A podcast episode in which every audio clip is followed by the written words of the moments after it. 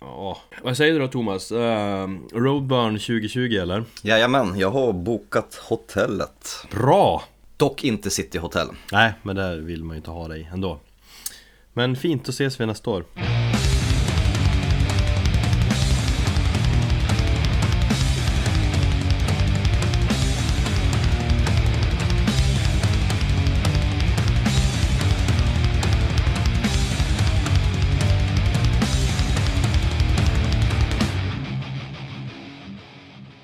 Lyssnar på Metalpodden avsnitt 96 Välkommen! Jag heter Erik och eh, min kollega, den där eh, heta blondinen, heter Thomas. Jag häller upp lite här av min International Haze, den New England IPA, 7-procentig. Ehm, den ville du köpa av min sambo idag. På Systembolaget. Ja, men hon ljög för dig. Jag var ju så, eller ville ha hjälp med lite haze, bärs, för det drack vi i Tillburg.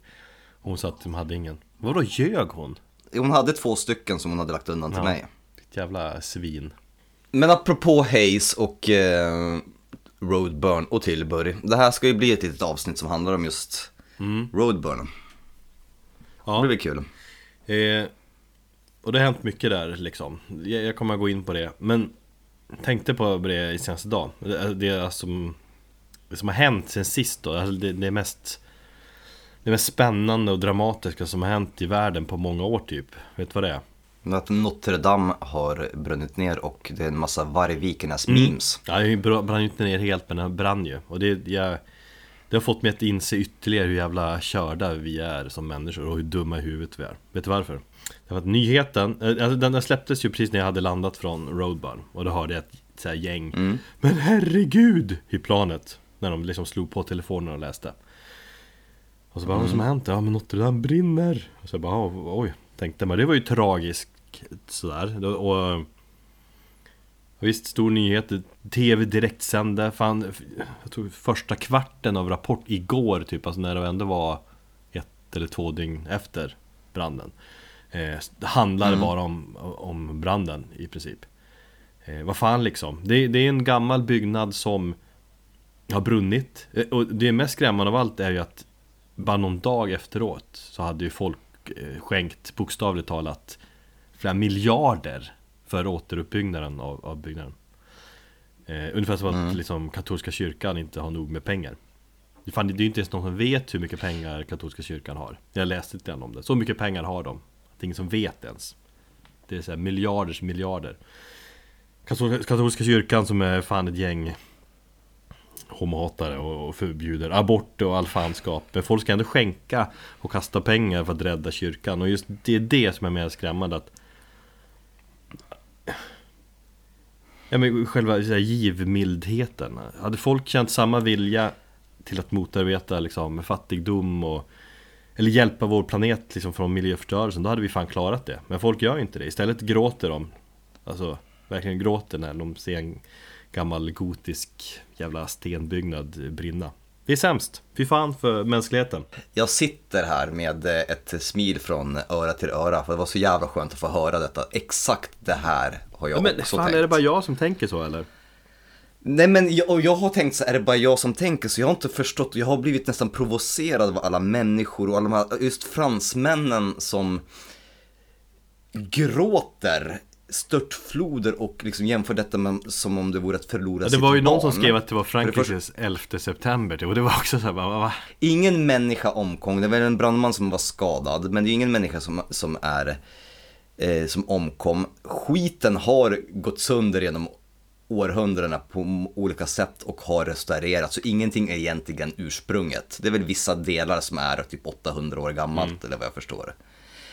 Men för fan, alltså det här, ja men just när man ser de här ja, i, i, i mångt och mycket fransmän som, som liksom beskriver det som en sån här nationaltragedi och vet han, eh, presidenten går ut och bara säger att de ska lo, lova återuppbygga det här och alla pengar ska användas. Nej men det köper här, jag på något annat sätt, att fransmännen är dumma i huvudet så här. Men att även Vad fan var det? Var det Alex Schulman som la upp någon eh, Instagram-bild och skrev När kyrkan brann så skrev 'Äntligen' där Vilket var råskönt tyckte jag eh, och, han, och han fick ett Mm. Ja, jag också. jävla hat mot sig Att folk verkligen liksom engagera sig så mycket för en för en gammal byggnad så här.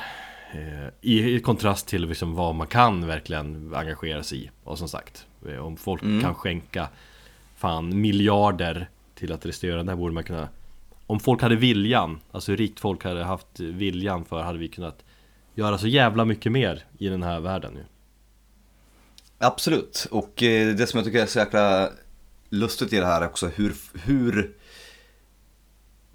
folk blir kränkta av just skämten kring den här kyrkan också. Som sagt, det är en, vad det verkar så är det en olycka som, hade, som skedde och det går att göra sig lustig över det för att det var ingen som omkom. Men det hade varit Eh. fantastiskt om det verkligen var varg Vikernes som hade tänt på.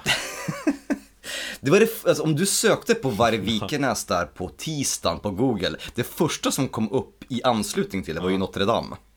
Ja, Det tyckte jag var jättekul. Eh, nu, tycker, nu förespråkar ju inte jag kyrkbränningar i praktiken. Eh, men som, ett symbolisk, som en symbolisk handling så tycker jag att det är... Och helt, alltså, jag vet inte, helt ärligt så måste jag säga att jag blir lite, lite varm inombords. Ja, lite. Ja, jag väljer att också vara på den sidan. Fuck religion, fuck the church och eh, mock the cross.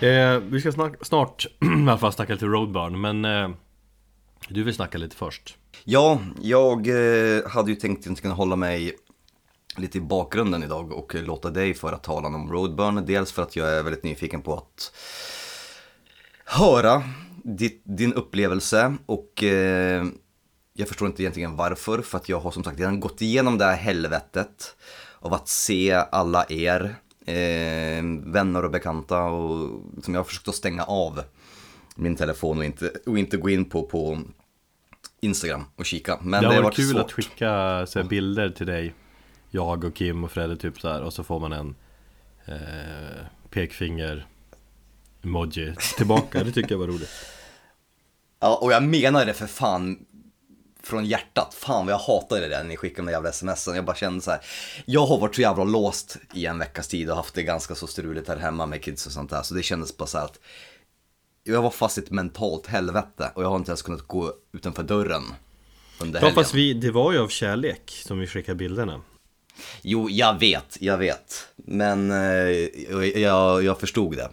Men min, min bitterhet var, var, var påtaglig och jag känner att jag måste ju vara någon form av sadomasochistiskt rövhål som ska gå igenom det här i en podd också. Och höra dig berätta och behöva genomlida skiten igen. Men vad fan, det var ungefär så jag funkar antar jag. Ja, du är en sån Men innan jag lutar mig tillbaka och håller käften så tänkte jag att i lite anslutning till Roadburn och lite så här tematiskt, eh, för det var ju väldigt mycket space vad jag förstod under, eh, som tema under det här eh, Roadburn-året. Eller? Ja, verkligen, det var det Och vi hade ju ett rymdavsnitt förra avsnittet, så jag tänkte att vi fortsätter lite grann i den banan innan vi typ lämnar rymden helt och hållet. Jag tror inte allt kommer göra det, jag tror rymden är här för att stanna. Ja, absolut, det kan mycket väl vara så. Eh, Det jag ville prata om i alla fall var ett musiktips i form av ett band som heter Vanishing Kids. Som jag faktiskt fick eh, tips om från vår gemensamma vän Patrik. Eh, Bara för några dagar sedan. Och i och med att jag är liksom så mellan två olika, så jag vet inte riktigt vad jag ska lyssna på, det finns ingenting riktigt som peppar så är det här det här fyller någon form av tomrum inombords. Allt jag vet om bandet är att jag har gått in på deras Bandcamp-sida och sett att de taggas som rock och soul och classic rock, heavy rock och så här. Då tänker jag att det här, ja, det här är lite åt din typ av sommarmusik. Ja, det kan mycket väl vara så. I och med att vi nu går in i en liksom, sommarfas så brukar jag oftast lämna det ganska mycket mer, eller det brutala bakom mig och försöka lyssna på lite mer lättsam musik. För att passa humöret. Ja, soul vete fan, classic rock absolut, vi kommer dit. Eh, Vanishing Kids är ett band som bildades 2007 eh, i Wisconsin. De har nog släppt fem plattor. Eh, vissa är typ demos, eller är nog en demo och några EPs och sånt där, så att allting är inte fullängdare. Men vad jag förstod så är det här femte plattan som kom i november 2018 som heter Heavy Dreamer. Bandet är lite annorlunda på det sättet att det är, dels så är det Jason Hartman som är gitarrist i Jax Toth. Ett band som vi, eh, eller som jag gillar i alla fall. Ja. Det gör ju du också. Och som vi har peppat ganska mycket i det här avsnittet, eh, eller i den här podden. Men de övriga människorna är typ så här, om man tar och tittar på musiken eller hur, hur, hur bandet profilerar sig och hur de låter så är det väldigt udda att ha typ folk från väldigt obskyra black metal och death och doom band i, i den lokala scenen kring Wisconsin. Men det är verkligen så här, det är bara folk från eh, ganska så obscena band. Som spelar någon form av genreöverskridande, ja jag vet inte riktigt vad jag ska kalla det för. Det är en blandning mellan, de själva kallar musiken för Somnambolic Doom. Vilket betyder typ musik eller doom för sömngångare. Eh, och det kan jag köpa på ett sätt, men jag skulle säga att det inte är så jäkla mycket doom. Det är inte ens metal. Eh, men det är någon form av rockig, klassisk rock. Absolut med lite, kanske någon Doom-influenser. Eh, väldigt mycket så här 70-talets acid rock. Eh, som möter någon form av krautrock och en hel del shoegaze. Jag skulle säga typ The Cure möter Pink Floyd möter typ Alcest. Ja, det låter lite spännande i och för sig. Ja, jätte... Alltså väldigt svårt att kla- klassificera eh, musiken och eh, första gången jag hörde skivan, när jag fick det här tipset då, så bara satt jag där och bara försökte verkligen genrebestämma detta och så bara insåg jag för fan vad lönlöst det är. Och bara sitta och liksom ska aktivt lyssna på musiken och försöka placera i någon fack. Man ska ju inte göra det, man ska, man ska försöka hålla sig undan det ibland. Absolut, och det håller jag med om. Men jag är väldigt skadad liksom, i, av alla år man har recenserat och försöker liksom, sätta ord på saker och ting. Ehm, så jag har lyssnat på den lite till och från och idag så tog jag faktiskt eh, en powernap till skivan. Och då när jag fick lyssna på den liksom avslappnat och eh, i det tillståndet som jag tror att de själva skulle vilja att musiken lyssnas på så som lossnar det lite grann att det här är musik som du bara ska egentligen flyta med till. Eh, rymdigt, absolut. Och ja, väldigt, väldigt svävande. Någonting jag borde gilla, helt enkelt, också. Jag tror definitivt att du kommer gilla det och gillar man Jax Thoth så kommer man kanske känna igen någonting i och med att gitarristen eh, är med i det här bandet. Eh, gillar man väldigt liksom lugn musik så, så tycker jag definitivt att eh, man ska spana in det. Eh, de släppte som sagt sin senaste platta Heavy Dreamer i november 2018. Eh, så jag tycker att vi ska lyssna på ett spår därifrån och det är låten Reaper. Mycket fin.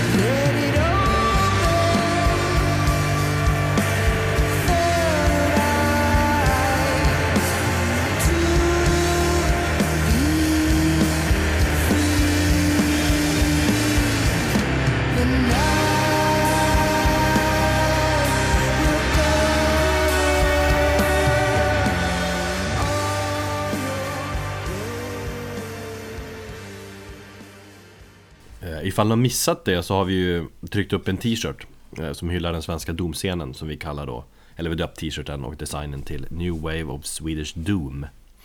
Och om ni är nyfiken på en sådan Så gå in på Metalpodden på Facebook eller Instagram och kika. Den är jävligt snygg tycker vi. Eh, och på våra sociala medier står det också då hur man Går tillväga för att köpa. Och vi har fått iväg ganska många t-shirtar vilket eh, är sjukt kul ju. Och det är kul att se alla som som köper och som lägger upp på Instagram Då blir man lite rörd Ja, jävlar alltså.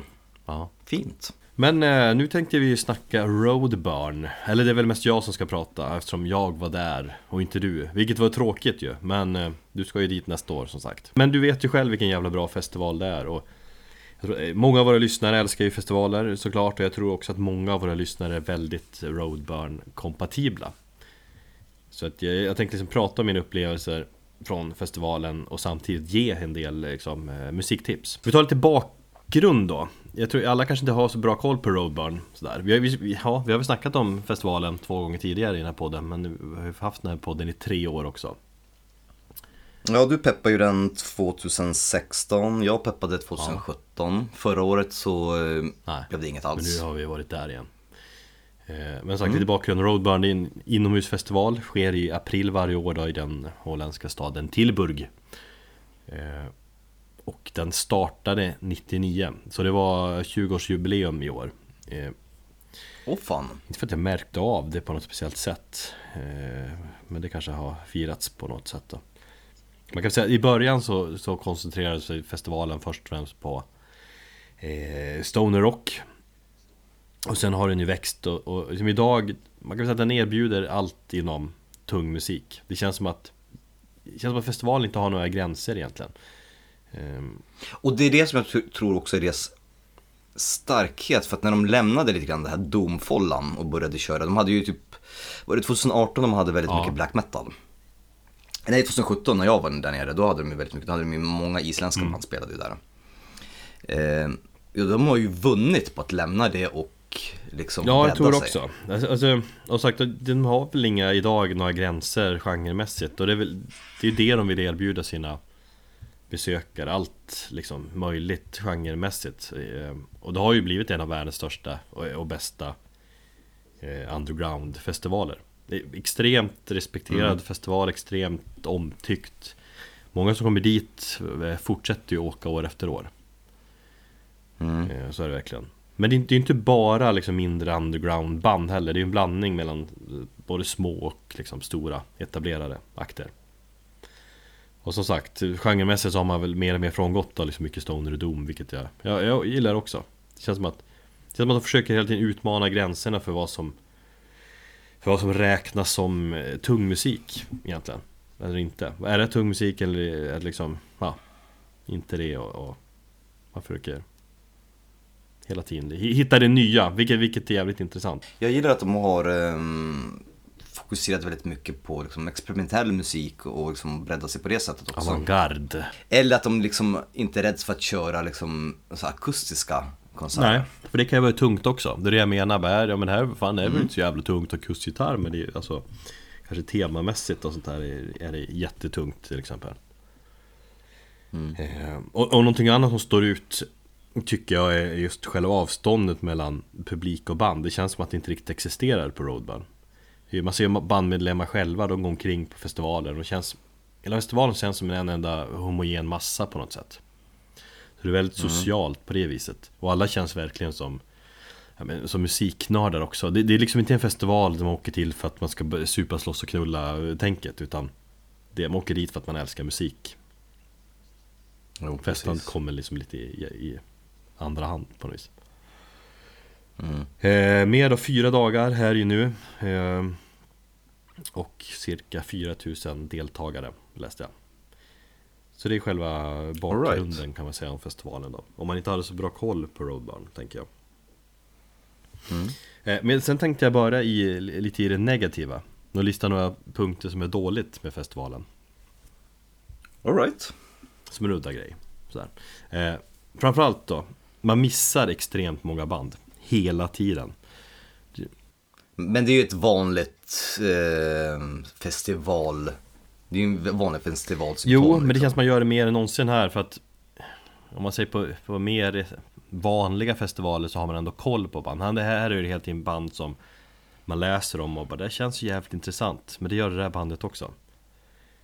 Eh, och det finns ju, det är ju sex scener beroende på hur man räknar typ. Och när man läser om alla banden så det finns ju alltid något intressant med alla. Alltså något som man är nyfiken på.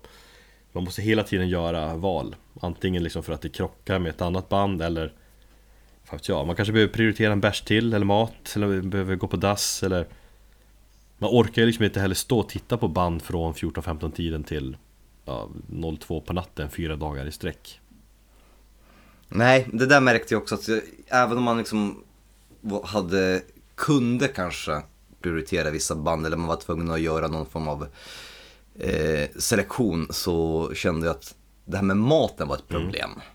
För att, eh, alltså på det sättet, när ska vi hinna käka liksom? Man sprang ju bara typ, drog i sig en snabb burgare, så det var ju fyra dagar av bara typ veganska burgare. Ja, jag käkar nästan bara veganskt Nu också faktiskt Bra! Bra! Nej men det är väl liksom ett smörgåsbord av allt möjligt härligt Men man orkar inte med allt. Man, Det är typ ett julbord. Man betalar massa pengar så får man tillgång till en jävla massa mat Men man orkar inte eh, äta hur mycket som helst. Man kan inte äta allt. Men, men eh, samtidigt är det ett, liksom ett lyxproblem får man väl säga. Precis vad jag tänkte säga, ett Ja. lyxproblem i bemärkelsen. Men till exempel så missade jag liksom Agrimonia och Louis Lemon och Bellrope spelade alla under eh, Sleeps eh, spelning. Och det var såhär, Okej. bara, jag kan ju fan inte gå ifrån Sleep. Men jag hade velat, verkligen velat se alla de tre banden. Eh, missade också alla eh, Thous spelningar. Trots, trots att de var det. så kallade Artist in Residence. Eller vad de heter, alltså när man spelar på festivalens alla fyra dagar. Fast med, ol- Just ja, precis. Men man är lite, man är lite grann highlightad ja, precis, fast med olika typer av spelningar. Men det var, de körde akustiskt någon dag och kände ah, det tar jag bort. Och så krockade med... Ja, de körde Misfits covers en dag. De, de körde akustiskt, de körde ett set med hon Emma Ja. Ruth Rundle. Och så körde de ett set där de körde hela Magus, om det är så skivan heter, hela den rakt igenom. Och sen ett vanligt set med låtar hela karriären, vad jag förstått. Om jag läst på rätt. Jag visste jag borde kanske sett någon av dem. Men det, ja, det blir sådär. Man missar alltid massa saker. Sättet som eh, Tom G. Warrior gjorde med den här symfoniorkestern när de körde igenom, vad fan var det? Nu minns jag inte riktigt vad det Nej, såg det är ganska, ganska tidigt. Ehm, kanske prioritera någonting annat. Men, eller så sket jag det. Eh, eller vaskare som vi säger. För att, nej men det, jag vet inte, det kändes... Det var mycket stråkar och symfoniorkester och det där tänket i år. Vilket Mm. funkar kanske mindre bra på vissa spelningar och funkar fantastiskt på andra. I och för sig, jag kommer till det. Men... Nej, jag var inte så sugen på det. Sen har jag sett Jag bandet för- live tidigare Ja. också och var inte superimponerad. Jag blev lite förvånad över att de spelade så pass tidigt. Ja men det är väl så att eh, man brukar göra för att locka folk tidigt eh, till vissa scener och sånt där. Mm. Eh, Ja, en annan punkt då som är negativt det är att eh, scenen Het Patronat inte kommer att finnas nästa år. Jaså? Eh, och det är trist för det är typ bästa scenen, det är i en kyrka och det är högt som fan där inne, fantastisk atmosfär och jag har ju sett sjukt många bra spelningar där, även i år. Jag såg ju Disfear där, det var typ det sista vi såg innan vi åkte hem när vi var där 2017. Så jävla grymt var det. Mm. Ja. Eh, de har kunnat hyra lokalen från staden eller sånt där tidigare och det går inte längre för någon har köpt den och ska ha den till någonting annat. Ja men fan! Ja, eller hur? Så det blir intressant hur de skulle lyckas ersätta den scenen. Det, det känns inte som att det går riktigt då. Men skitsamma, det blir säkert bra ändå. Eh, det var jävligt kallt i år. Det var liksom, höll sig vid noll gradigt på kvällen och nätten och så kallt brukar det inte vara, rått och jävligt. Det brukar ju vara var varmare sådär, men ja. Det är Mm. klimathotet. Väder kan man ju dock inte råda över. Eh, sen kommer jag inte på något mer negativt. Och vad fan man... Eh, hur kul är det att vara negg egentligen? När man pratar om världens bästa festival. Men det var lite så här. Som man får tänka på. Men du, den här själva skateparken som jag såg en massa om som verkar vara någonting nytt. Den är väl inte tänkt att ersätta kyrkan Nej. va? Det var ju som en extra scen, halv eh, officiell scen kändes det som Nej men det var inne i en, Okej. en skate eh, inomhuspark Hade de bara satt upp en Mhm. enkel, jävligt enkel liten eh, liksom scen. Där det var helt right. ljust och det här. Så det var, det var jävligt coolt att se band där. Nu såg jag inte så många i och för sig. Men eh, ja, ganska ball scen. Eh, Men, men Roadburn, sammantaget har jag haft det svinbra i alla fall. Jag vet inte Jag vet inte om det konsertmässigt är det bästa gången jag har varit där. Det kanske var Ja, 2014 första gången jag var ju väl, slog väl högre kanske eh, right. Då var det mycket nytt man hittar och så. Men ja, det gjorde man ju också i och för sig. Däremot var, var absolut den roligaste gången jag har varit på festivalen. Det har blivit så Mm. att genom Ja men genom åren, eh, när man varit på festivalen och även här hemma i Stockholm Det har blivit Det blir ganska många som lärt känna varandra. Så det har blivit ett ganska stort gäng Där typ, Ja, det är ju ett stort Ja, roadburging där typ alla känner alla och det är typ runt 20 pers eh, plus minus några stycken Lite som en skolklass på något vis. Eller en En stor familj kan man säga. Fast skillnaden är att alla är någonstans runt 40 års eh, strecket Där omkring. Mm. Fast man växer ju inte upp ändå. Jag kände verkligen det att fan alla är ju barn. Eller ungdomar som gillar att dricka sprit. Fan vad härligt att höra. Ja, så partymässigt har det varit fantastiskt. Stämningen har så varit på topp. Sånt, eh, sånt är ju kul och viktigt också. Hur full har du varit? Ja, ja, ja. Nej men jag drack väl första ölen där Arlanda bärsen som jag sa att jag ska skita i den för den är så jävla patetisk. Men den var ju förbannat god. Klockan sju på torsdag morgon sen Tog jag sista ölen när man kom hem måndag kväll bara för att coola ner liksom. eh, Så att ja, det Och det, först, det första du går och gör och köper sprit av min sambo sen. Ja, När jo men det var ju två dagar efteråt. Ja, Ja, ja. och så köpte jag av henne idag också Det är så jävla roligt att gå på Systembolaget när man får handla av Karo ja. Nej men så att visst det har blivit mycket öl och sånt där Men vad fan det är väl inte så ofta Man får göra, ha roligt så Nej, självklart. Eh, har du en abstinens då? Jag hade ju det som fan I tisdags Vad kände jag verkligen att jag vill ha bärs B- Ja, både alkoholabstinens men finns det någon form av så post eh, roadburn depp? Nej inte så mycket Jag är väldigt nöjd och väldigt liksom glad och Inspirerad framförallt Vi repade igår och jag kände fan vad roligt att repa Jag känner mig sjukt inspirerad och Du skrattar men det är, det är väl fantastiskt att man Nej, jag, alltså jag, jag är glad för din skull men det är typ totala motsatsen till, till, till alla de känslorna som jag känner just nu. Och jag vill inte missunna dig, men vad fan, jag, jag har varit bitter och ett tag bara, jävlar, fan, jag bara, kan inte det bara gå åt helvete för dem? För dem vadå? Ja men för dig och Kim och allting, komma hem och bli jättesjuk och allting. Det är nästan så att min bitterhet har nästan varit, jag har inte känt igen mig själv Nej. i den. Men det är bara för att jag som sagt, eh, ja, inte kommit ut genom dörren de senaste två veckorna. Nej men eh, Jag tror det är ganska mänskligt sådär Men jag är glad att höra, hoppas att du blir peppad och kan dra i, i, i den Ja här men det är det jag känner, att jag får ju liksom peppa här och, och kanske inspirera Eller ge lite inspiration och så eh, Däremot har jag lite hosta igen och ont i halsen Så att det är väl någonting, någon, lite skada har man tagit. Eh, Jag gick igenom spelschemat nu här tidigare och kom fram till att jag hade såg Såg sammanlagt 22 band Så jag snittade väl 5-6 band per dag. Mm. eh, Jag vet inte om det är mycket eller lite. Samtidigt när man går igenom nu så inser man ju också hur mycket man missar Men det, det kommer fler chanser på vissa band. Av de här 22 banden då så jag har då valt ut i sann metalpodden anda eh, Fem spelningar som var Fantastiska upplevelser Jag säger inte nödvändigtvis att det var de fem bästa men Fem av de bästa i alla fall En av dem var den bästa Alright, eh, jag tror jag vet vilken. Men innan du gör det, eh, vilka band såg du inte? Såg du At the Gates? Jag såg lite grann av den Men eh, right. det, dels kom in när spelningen hade pågått ett tag och så sen kändes det som att det var ingen riktig Jag vet inte, de kändes inte som att de passade in där riktigt. Och det var inte så asmycket folk heller. Eller i och för sig, det var, det var en stor morsbit där så att det var liksom glest där framme. Eh, De hade ju också lite stråkar och grejer. Och när vi kom in så var Matt Pike gäst där. Så det, alltså, Ja, just det, vad fan var det? Vad, vad var just han på för låt? det vet jag inte Det känns jättemalplacerat att ha honom Ja, med på men en det är det jag menar, att det blir... Det, Vilket är också det är bra, eh, ja, eller det är väl det som är coolt med, med Roadburn, att alla som spelar där, många i alla fall försöker göra någonting speciellt.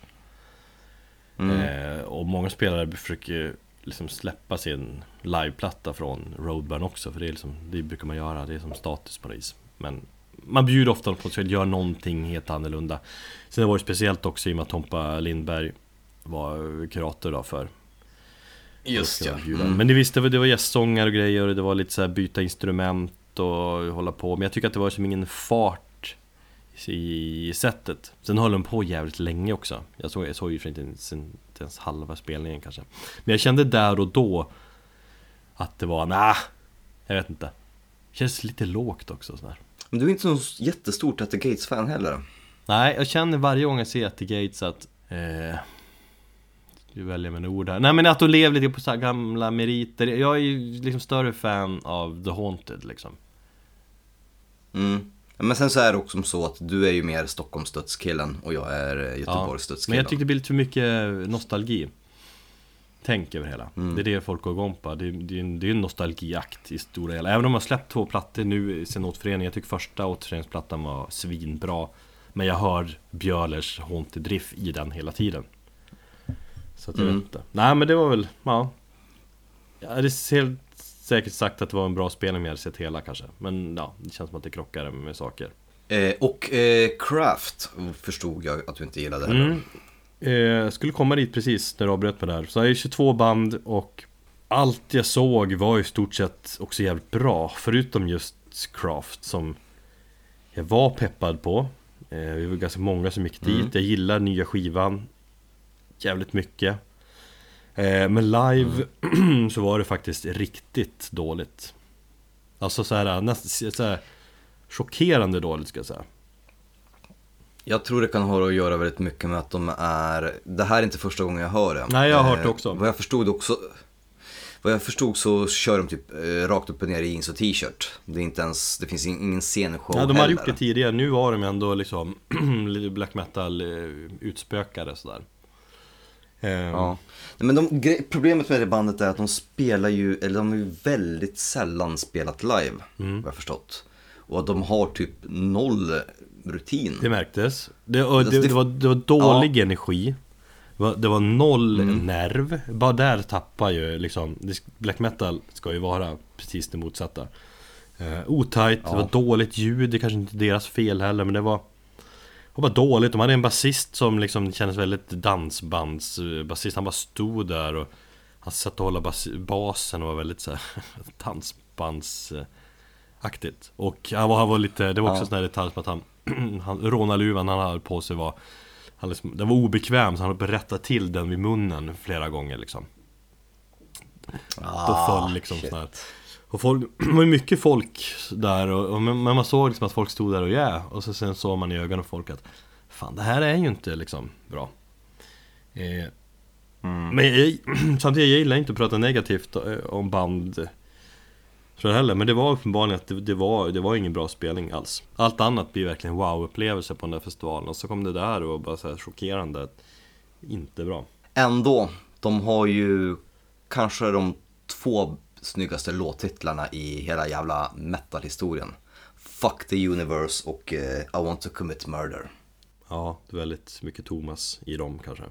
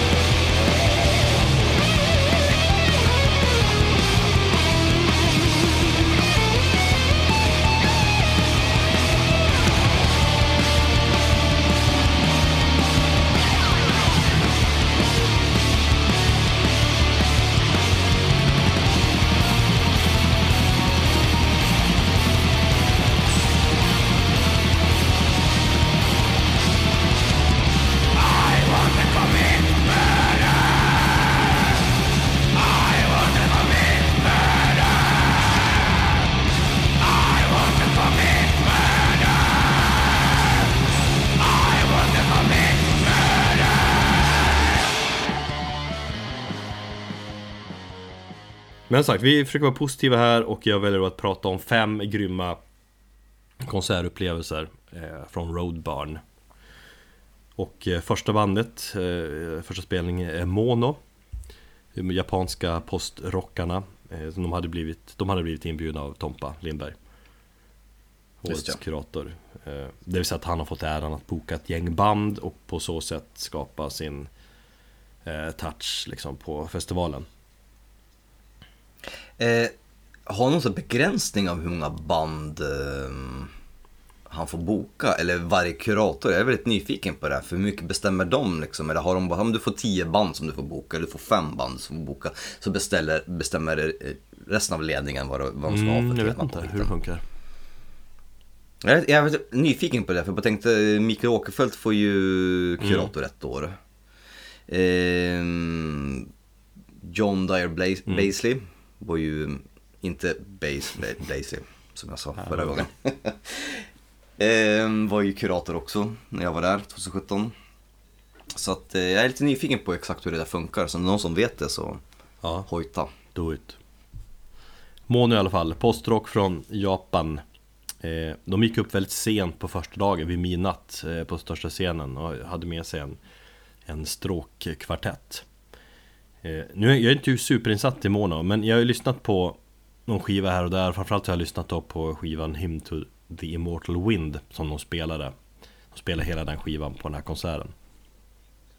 Det är inte deras senaste va? Nej, den är tio år gammal så det, den är, det var något sånt här jubileumstänk då. Okej. Väldigt storslagen och stämningsfull instrumental postrock. Eh, och med stråkarna som ble, så blev det faktiskt någonting alldeles extra. Jag tycker det funkar bättre med stråkar till postrock än till mycket annat. Till, Etty Gates liksom, metal till exempel. Mm. Och spelningen började ganska liksom lugnt Först när de satt sig ner, eller gitarristerna satt ner i alla fall Och så efter halva konserten så ställde de sig upp Och det, det maldes på som fan och bara byggdes upp och så jävla mäktigt och storslaget Och jag blev berörd Jag tror att min trötthet påverkade mycket också Så jag hade gått upp fem Jag tog första ölen där vid sju och hade druckit Öl hela dagen Och rest och sett massa band Så jag var trött, jag var skör Men musiken högg tag i mig liksom totalt då Ja, det var Fint. mäktigt. Väldigt mäktig upplevelse som jag inte trodde. Jag var inte beredd på att det skulle liksom beröra så, så kraftigt. Eh, Så vi lyssnar lite för ett stycke från den plattan.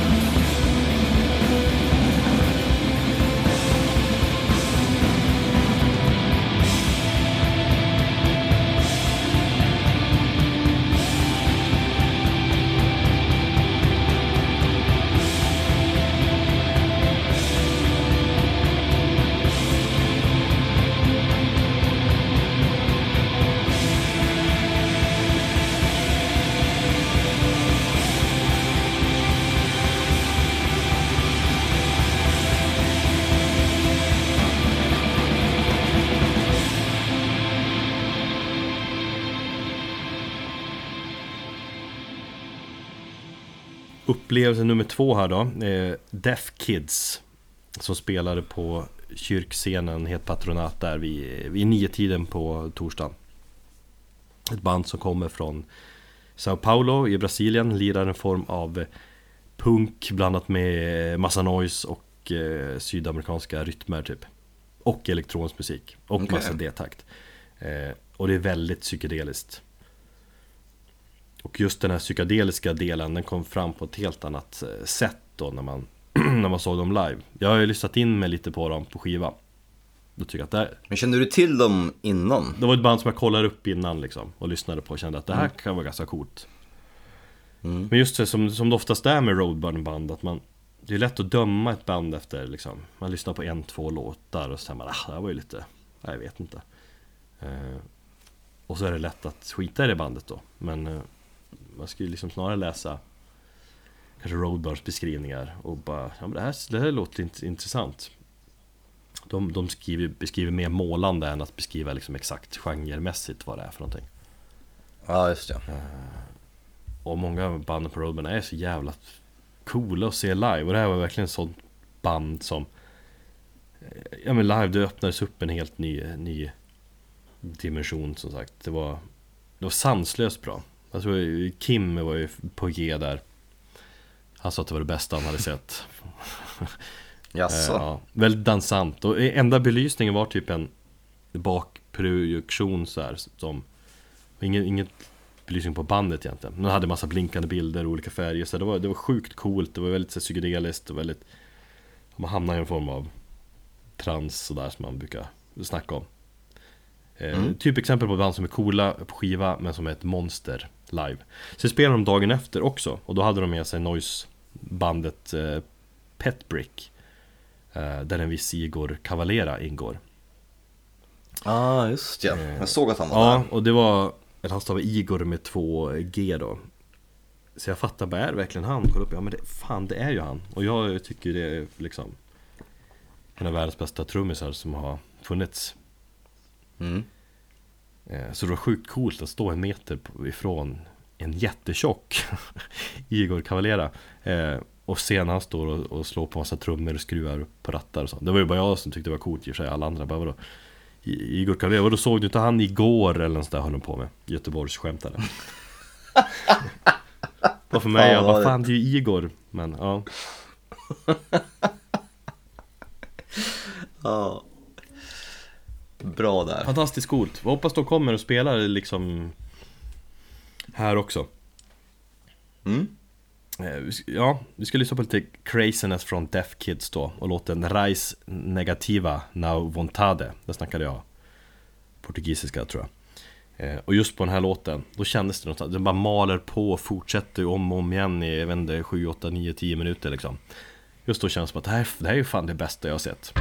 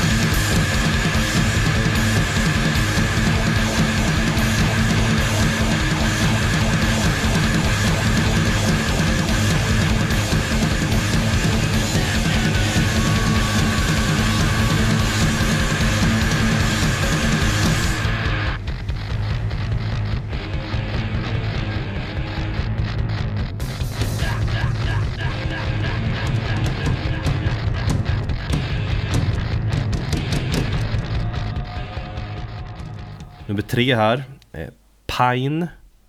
Ett holländskt band. De heter P-I-J-N, men man uttalar det som sagt Pine och det betyder smärta.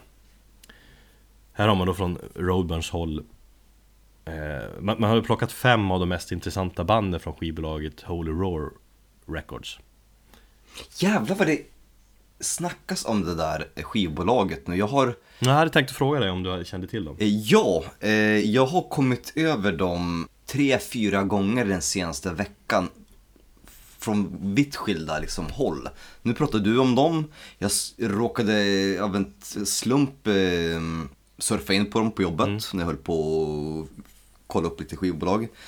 Det är någon annan kompis och bekant som har pratat om dem och sen så läste jag om någon artikel i någon tidning som inte hade någonting med någonting att göra och bara helt plötsligt så bara överallt, Holy Roar. Ja, det känns... De, eh, hon A.A. Williams ligger där också va? Tror du också va? Ja, Hon eh, ska vara förband till Kaltarluna i höst. Hon vill jag ju se, Mm, jag men kollar- eh, det sket sig. Ja. Ehm, just det, A. Williams. Jo, jag har lyssnat lite grann på henne. Ehm, det jag tänkte på med Holy Roar var ju att de är ju jävligt speciella på det sättet att det är ett skivbolag som kör en form av så här prenumerationsmetod Mm. av sina vinyler och sådär. Så att eh, om man går in på deras bandcamp så kan man hitta, vilket jag börjar märka att det blir mer och mer liksom vanligt bland skivbolag att hitta någon form av så här prenumerationsmetod av sina vinyler. Mm. Three Man Records som Sleep eh, släppte det senaste skiva på, de gör ju det. Också så här vinylklubb, eh, Blues Funeral har ju sitt postvax. Och nu är de här, så jag tror att det är jävligt spännande. Och de har jävligt många bra artister i sitt stall också. Det låter jävligt bra, för liksom oftast är det ju logiskt för att det är en viss Det finns någon röd tråd i regel eh, på band som Mm. ligger på samma skivbolag. Oftast är det så man hittar ett, man hittar ett band och så ser man att det ligger på det här bolaget, ja då kollar man upp vad som finns med där och så brukar man hitta andra in- intressanta grejer också. Just Holy tror jag typ för 25, jag tror det är 25 euro i månaden så får du en exklusiv vinyl som är en exklusiv vinyl som är bara alltså för vinylklubben då. Eh, Som är av någon speciell färg. Eh, Medan den vanliga svarta upplagan släpps för, för, för vanligt folk. Du får liksom all möjlig tillgång till deras liksom bandcamp och lyssning digitalt och du får CD-skivor också som det tror jag. Så de har en ganska intressant affärsmodell. Och det är inte superdyrt.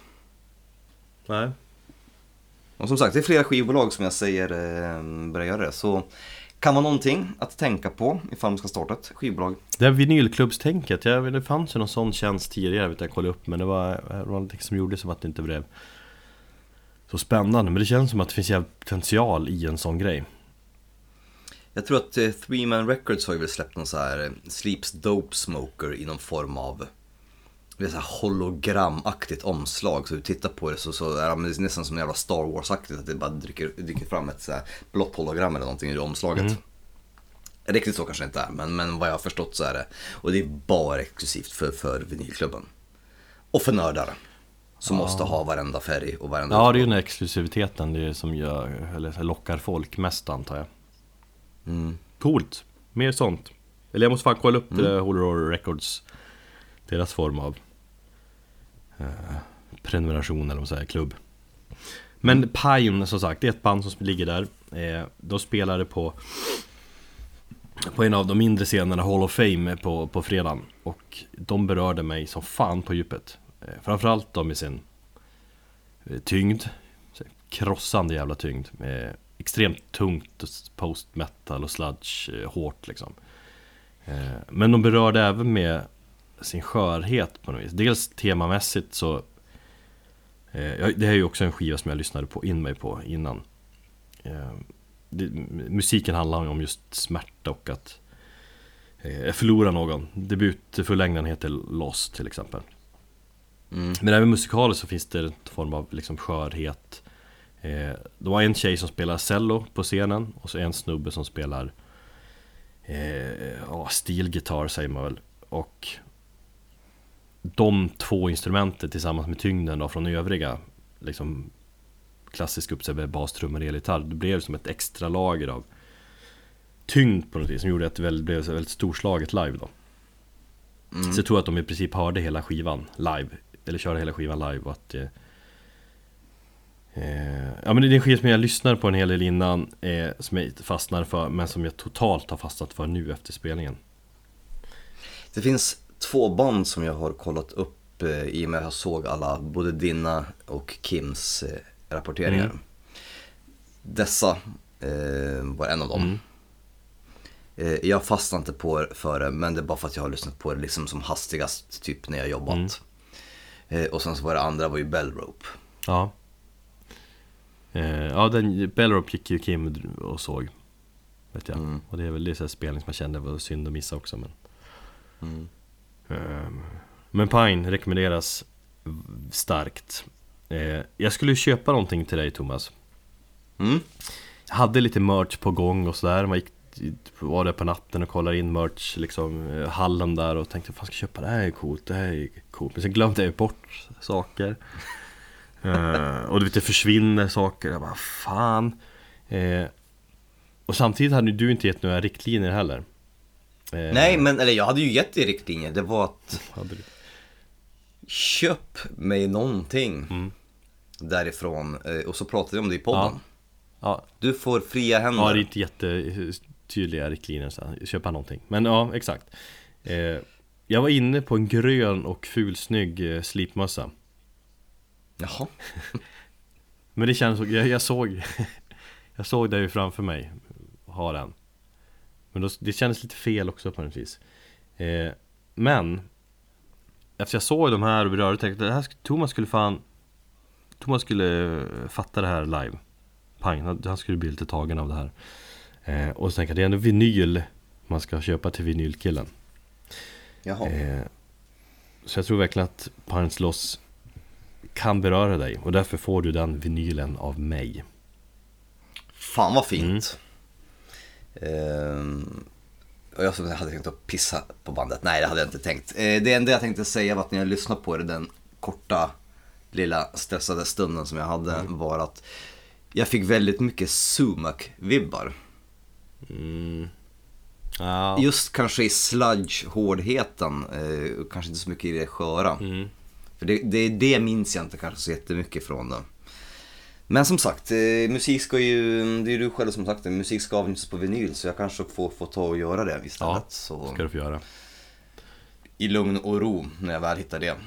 Så att eh, du får den vinylen och så får du lyssna på den och nu ska vi lyssna på tal om stress då så ska vi lyssna på Distress.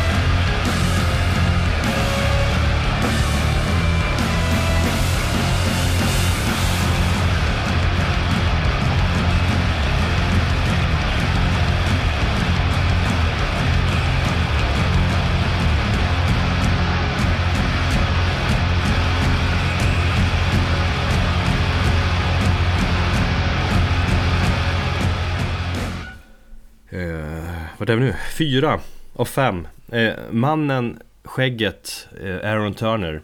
Han var ju nog snubben som jag såg fram emot mest att få se på Roadburn. Så hade du ju också känt, tror jag. Vilken jävla pepp du hade där alltså. När då? Eller vart då? När, när du såg eh, Old Man Gloom. Ja. Jag har inte kollat igenom allt jag la upp. Det kändes lite så här dagen efter, allt jag fan jag la upp en massa grejer. Men men man var ju full och glad och peppad, ja. Eh, nej men alltså inte bara att se honom live igen, eller utan också verkligen att få se honom spela i band som Sumac och Old Man Gloom. Såg du Sumac också? Ja, Sumac var jävligt bra. Det är liksom, det är så skev och extremt tung musik så att Ja, det är väldigt fascinerande att uppleva det live. Mm. Det var fantastiskt bra. Så att, eh, hoppas han, han kommer mer och spelar här. Den upptagna jävel. Men bäst var ju Old Man Gloom. Det var så Mm. förbannat tungt. Och det var väldigt mycket känslor inblandade i den spelningen. För att Man Glooms förra basist, eh, Schofield, eller Caleb Schofield, dog ju i en bilolycka där förra. I höstas. Eh, man kände av det allvaret på en vis. Eh, han spelade också i, i Just det. Kevin och den Kevin-spelningen var också jävligt bra och känslosam. Ja just det, de spelade ju också Ja. ja. Och det var skit. Fred gick ju bananas där, typ eh, headbangade och grät samtidigt typ. Jag. Jag ser det framför Ja, det var mig. ju fantastiskt eh, fint. Eh, men Old Man Gloom, jag, jag skulle säga att det var nästan som sagt chockerande bra. Sån jävla tyngd och just att alla sjunger. Dels Aaron Turner med sitt, och hur han headbangar med sitt gråa hår och sitt skägg liksom. Mm. Eh, men även Schofields ersättare, viss eh, Steven Brodsky. Från just, från just Cave-In och Mutoid Man. Han är så jävla cool tycker Ja. jag. Ha, ja, Snygg Ja, han också. snygg. Jag har en liten man crush. Jag såg han efteråt, han gick omkring som en vanlig dödlig, som de alla de där gör Till och med Matt Pike gick och, och liksom haltade omkring runt på området eh, Då var ju Brodska en jävla liten kille Han är ju Ja, superliten. jag går förbi och ser han, han ser nästan lite blyg ut där Men på scenen känner man, "Uff, fan den där, den där snubben alltså eh, Han är en jävligt cool eh, sångröst i Muted Man, men det har vi kanske säkert pratat Ja, om. det har vi väl gjort tror jag. Mm. Eh, nej, så han, han kör ju i Kevin och han är ny basist då i All Man Gloom. Och han vrålar ju också jävligt fint och så gör även basisten.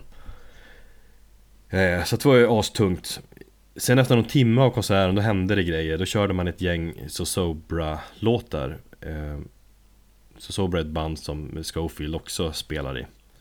Så de Just det. körde väl ganska många låtar. Så att, eh, och Converge sångare, eh, Jacob Bannon, han kom in och sjöng låtar Var han, Han där? var där och bara hoppade in där och körde liksom Jag gillar att de inte presenterar någonting heller utan de bara, nu kör vi Och man bara, fan händer här egentligen? Jag ska inte säga att jag har jättebra koll på Sobra heller Mm.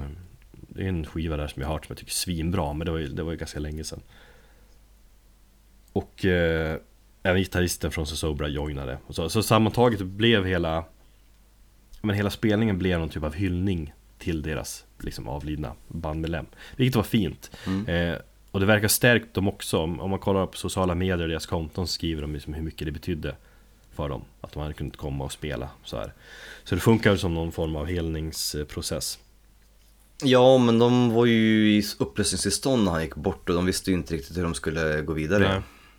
Så det var ju någon snack där om att de skulle lägga ner hela skiten men sen så träffades de och så bara kände alla så här instinktivt bara att ja, för hans skull så måste vi fortsätta. Hur vi gör det, det vet jag inte. Det, det, det var det ingen som visste om. Vi måste försöka. Så börjar de göra lite små grejer och sånt där. Ja Så att det, ja, fint. Fint så fan Ännu coolare är att de är ju, Old Man Gloom, de är i studion och skri skriver på nytt material Mm, Det ska bli intressant att höra eh, De körde faktiskt en ny låt live också eh, Okej. Som jag inte minns så mycket av egentligen Men, det- men det, ja, det lät ju kung Allt lät ju fan svinbra en, annan, en annan sak som står ut när man kollar dem på ja, men Old Man Gloom på Instagram att Fan, de, det verkar jävligt roligt liksom Det är ju väldigt skämtsamt band Ja, ja, men det, har vi, det pratade Ja. vi om i vårt eh, Aaron Turner-avsnitt. Liksom. Ja, men det är så jävligt tydligt. De hade mitt på natten där så körde de Sände de live Från hotellrummet när ja, men typ låg och räknade pengar från merchförsäljning och Aaron Turner låg i sängen och blev tatuerad på bröstet. Så Åh, det kunde man följa live på natten. Och så stängde de av, sen körde de igen och så bara Are you live? Yes we're live, I don't wanna be live. But we're live right now, I don't wanna be live right now. Så det var kul. All My Gloom, fan vad bra, jävla bra. Eh, Vi lyssnade en bit på låten To Carry The Flame som oh, lät så jävla tung. Så sjukt monstruös eh, låt live.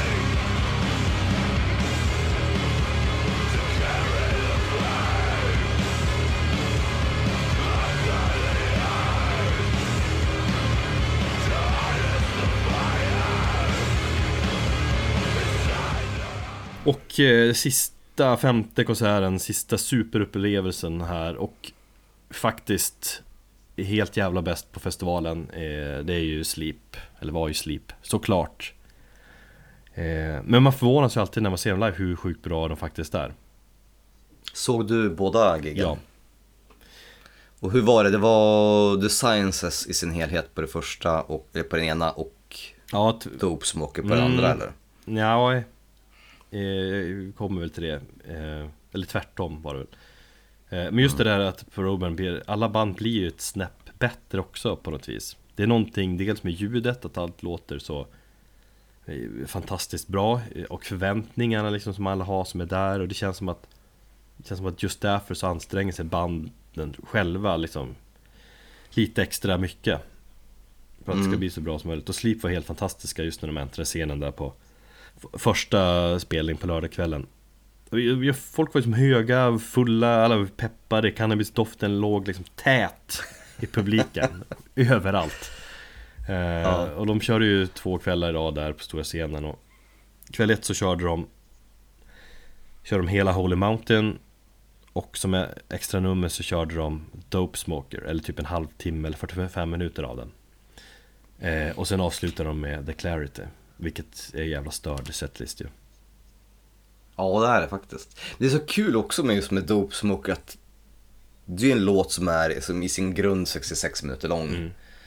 Eh, men liksom när vi såg dem i, på Debaser förra året, då spelade de ju typ, vad var det, 50, nej, det, det var ju inte hela låten. Nej, Det var 50 minuter av den. var det så länge? Ja, jag har för mig att det var 50 minuter av den låten, eller typ, ja men jo, kring 50 minuter, jag minns att vi diskuterade det. Eh, att de verkligen kan göra det, så, men vad fan, nej men vi orkar inte, vi spelar en kvart av den låten, vi spelar 30 minuter, de, alltså, de kan göra vad de vill med den låten. Ja. Känner de för att spela 66 minuter, då gör de det. Känner de för att de är lite trötta, men då kan de korta ner den till, till tre minuters liksom jävla schlagerdänga. Ja, ja det är, så är det Ja, verkligen. riktigt, Vilket men- är, det är ganska humoristiskt. Det är ingen som känner Ja. igen men, app, app, app, app, app, nu missar du några takter. av Nej, precis. Nej men det, var- det var ju ja, sjukt bra eh, ja, men, Och så sen insåg jag ju liksom återigen hur, eller hur bra skivan Holy Mountain verkligen är Speciellt när man får höra hela plattan spelas sådär från början till slut Någonting Mm. jag också insåg Eller insåg ytterligare eh, Är hur jävla bra Al Cisneros är. Just med att Pike i all ära så här, men den som verkligen dominerade i alla fall på Roadburn var ju liksom Sleeps basist och, och sångare. Det kan ha att göra med att vi stod lite till vänster också. Att det blev väldigt tydligt bas därifrån. Jag har fan aldrig någonsin i hela mitt liv hört ett mäktigare basljud. Så jävla tungt maffigt och dominant. Fucking hell vad bra det var. Apropå Al Cisneros, eh, vad jag har förstått så ska ju han och eh, hans andra band Om komma till Stockholm. Det kanske de ska ja Eh, Jag har inte hittat information om det, det stod ingenting på The Bases hemsida senast jag kollade. Jag hittade ingenting på de här alla konsertapparna men jag har hört det ryktas om att det skulle vara den 9 maj Mhm. på eh, The Baser Medis, eller förlåt, The Baser eh, Det strand. låter jävligt konstigt om det inte finns någon information om det Men det känns bekant för mig också De spelar i Norge den åttonde och de har något gig den tionde. Eh, om det är typ i Tyskland. Så det känns ganska så, så naturligt att, att det, är det. Men det är, jag vet inte om någonting är spikat eller sådär. Jag såg ju om 2013 de spelade på typ Kägelbanan. Asballt och, och nu kommer ju det kollidera dock med Blackwater eh, Holy Light. Men eh, det vore jävligt kul att se dem igen. Framförallt kom ju Sleep igen Jag tror biljetterna släpptes idag När vi spelar in det här 18 april Eh, Kommer att spela på Münchenbryggeriet i Vad var det? Oktober typ Oktober och november Ja. va? Eh, Jag känner inte det där superbehovet att säga men jag kommer ju vilja dra Men det var inte så att jag liksom Låg på Knappen och klickade Eller fan man säger För att köpa biljetter 12 oktober. Mm. Vad, vad kommer de göra då? Kommer de göra samma grej då? Eller kommer de spela The Sciences? Eller kommer de köra någon Holy Mountain? grej? Nej, då kör de någon blandning Eh, Det, det var ju väldigt roadburn-aktigt att köra liksom All right. Eh, Men det var ju första dagen när de körde Holy Mountain och Dope Smoker och The Clarity The Clarity förresten som fan Ja, alltså fan vad bra den var live också Mm, alltså, jag var inte så supertänd på den när den kom. Nej, inte jag de heller. släppte den väl bara, den, de släppte den väl bara som en digital singel för mig när den, eh, i början där på typ Adult Swim Mm. eller så. Innan den fick någon, jag vet inte ens om den har fått någon fysisk utgåva, det kanske den har. Jag vet inte jag heller Och jag tyckte den lät lite väl polerad och kände såhär, men nej, det var, det var inte så jättemycket liksom. Nej men när jag hörde den live, då insåg jag det här är ju hur bra som helst Fy fan vad bra låt Och sen det tycker jag nu också när jag lyssnar på den igen Att fan, var den så här bra? Ja, jag måste ha liksom Kommit in snett för låten på något sätt. Ja, just ja. Jag vet inte. Dag två har sagt, spela hela The Sciences, också kung Men andra dagen var det ändå Han var tydligt inte lika bra. Dels hade Matt Pike lite gitarrstrul Jag, jag stod längst fram, jag bytte sida liksom Så att när Andra kvällen ville jag vara framför Pike. Eh, Och stod längst fram och Ja men man står någon meter från honom såg ju hans ansiktsuttryck hur han var missnöjd Han kämpade på, de bytte någon stärkare, var liksom något som tjöt och det var problem med pedalerna. Han stod och trampade på sina jävla pedaler hit och dit. Och det känns som att han aldrig riktigt var nöjd med ljudet. Eh. Och sen som extra nummer så körde de låtarna eh, Ja men Holy Mountain-låten och Dragonaut som de inledde då med Att köra kvällen innan. Vilket kändes för mig helt fel För de låtarna, sagt, de har ju redan spelat det Det är okej om man spelar i en annan stad att köra liksom samma grejer igen Men inte när man är, det här var liksom en fortsättningsspelning, alltså del två Och då blir det konstigt ja. att köra Mm. två låtar igen Okej, nu har de ju inte så många låtar att välja mellan egentligen Men det hade ju varit coolare att köra någonting från eh, Från Volume 1 eller något sånt där Ja, precis. Jag tänkte på att de kanske behövde fylla ut tiden eller någonting. Ja, var det jag kände. Och bara, hur, precis, bara, hur ska vi göra? Vi måste köra lika lång tid. Ja men vi kör fan. Folk går igång. Folk är så jävla höga ändå. Kör, fan kommer jag köra Holy Mountain. Lite publikfireri. ja, fast på fel sätt på det. Jag minns att jag blev lite så här besviken. Och gick och drack öl. Eller något. Eh, så det känns lite märkligt. Men det var ändå jävligt kung att hela, hela The Sciences. Och som sagt, bäst på Roadburn var Sleep. Så vi får ju avsluta hela den här härliga Roadburn-genomgången och det här avsnittet då att man lyssnar på låten The Clarity. Som är fantastiskt bra har jag kommit fram till. Eh, just det där introt på låten. Kör de, kör de, känns som att de hållit på med det jävla evighet innan de började spela. Vilket var kung. Ja just det, det är något så här lite, fan något pulserande ljud. precis. Så de drog ut på i jävligt länge. Kändes det som i alla fall. Och nu lyssnar vi på The Clarity och så säger vi godnatt och glad påsk och döda Jesus. Glad korsfästelse, ta hand om er.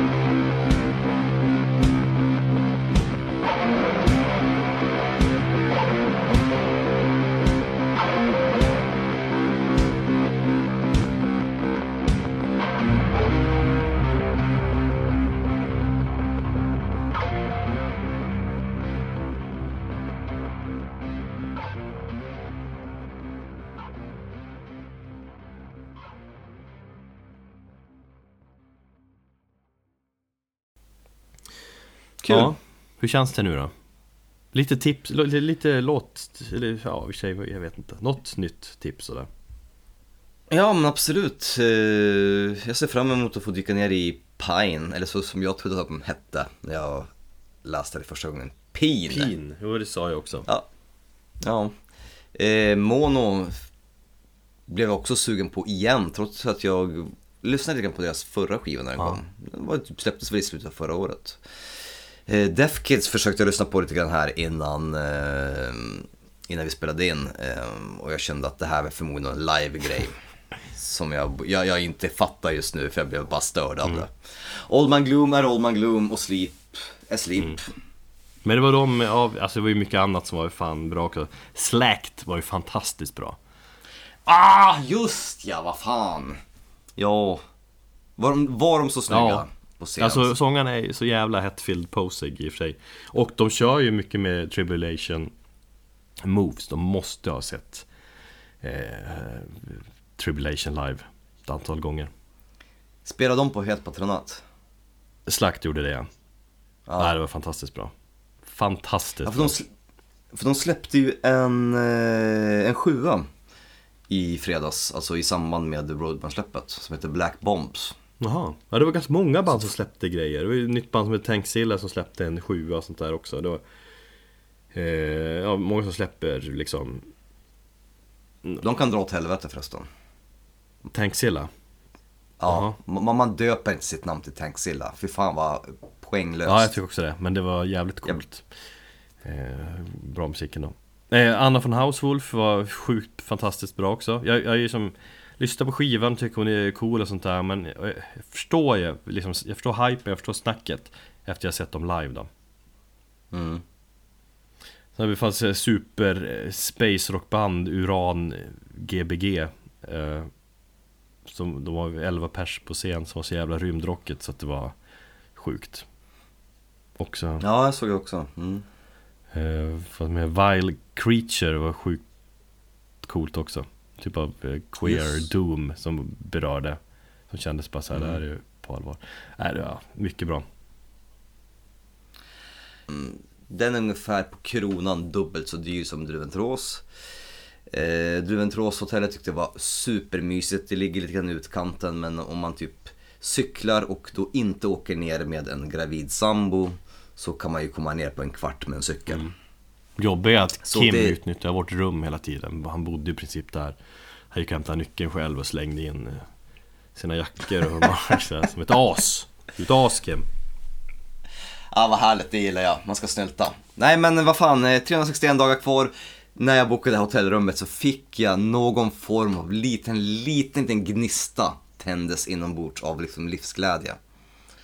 Så jag kände att fan, bra men då har jag någonting att pa- peppa och det är tydligen någonting jag behöver för att liksom hålla mig vaken och, och vid liv. Peppa ett år framåt är så jävla Ja, det är för långt Ja det är förmodligen kommer hända en massa saker och så kommer det sluta med att man ligger där i liksom, fan vet jag, aids i nyllet och, och, och liksom ont i röven och, och, och inte kunna åka. Men jag ska skaffa en sån här kalender och så ska jag kryssa. Nej, Som man gör i, i amerikanska ja, men filmer. typ efter, man får för till hösten kanske du kan börja peppa liksom För tidigt Ja, möjligt. Ett, om ett år, det är ett annat år. Ja.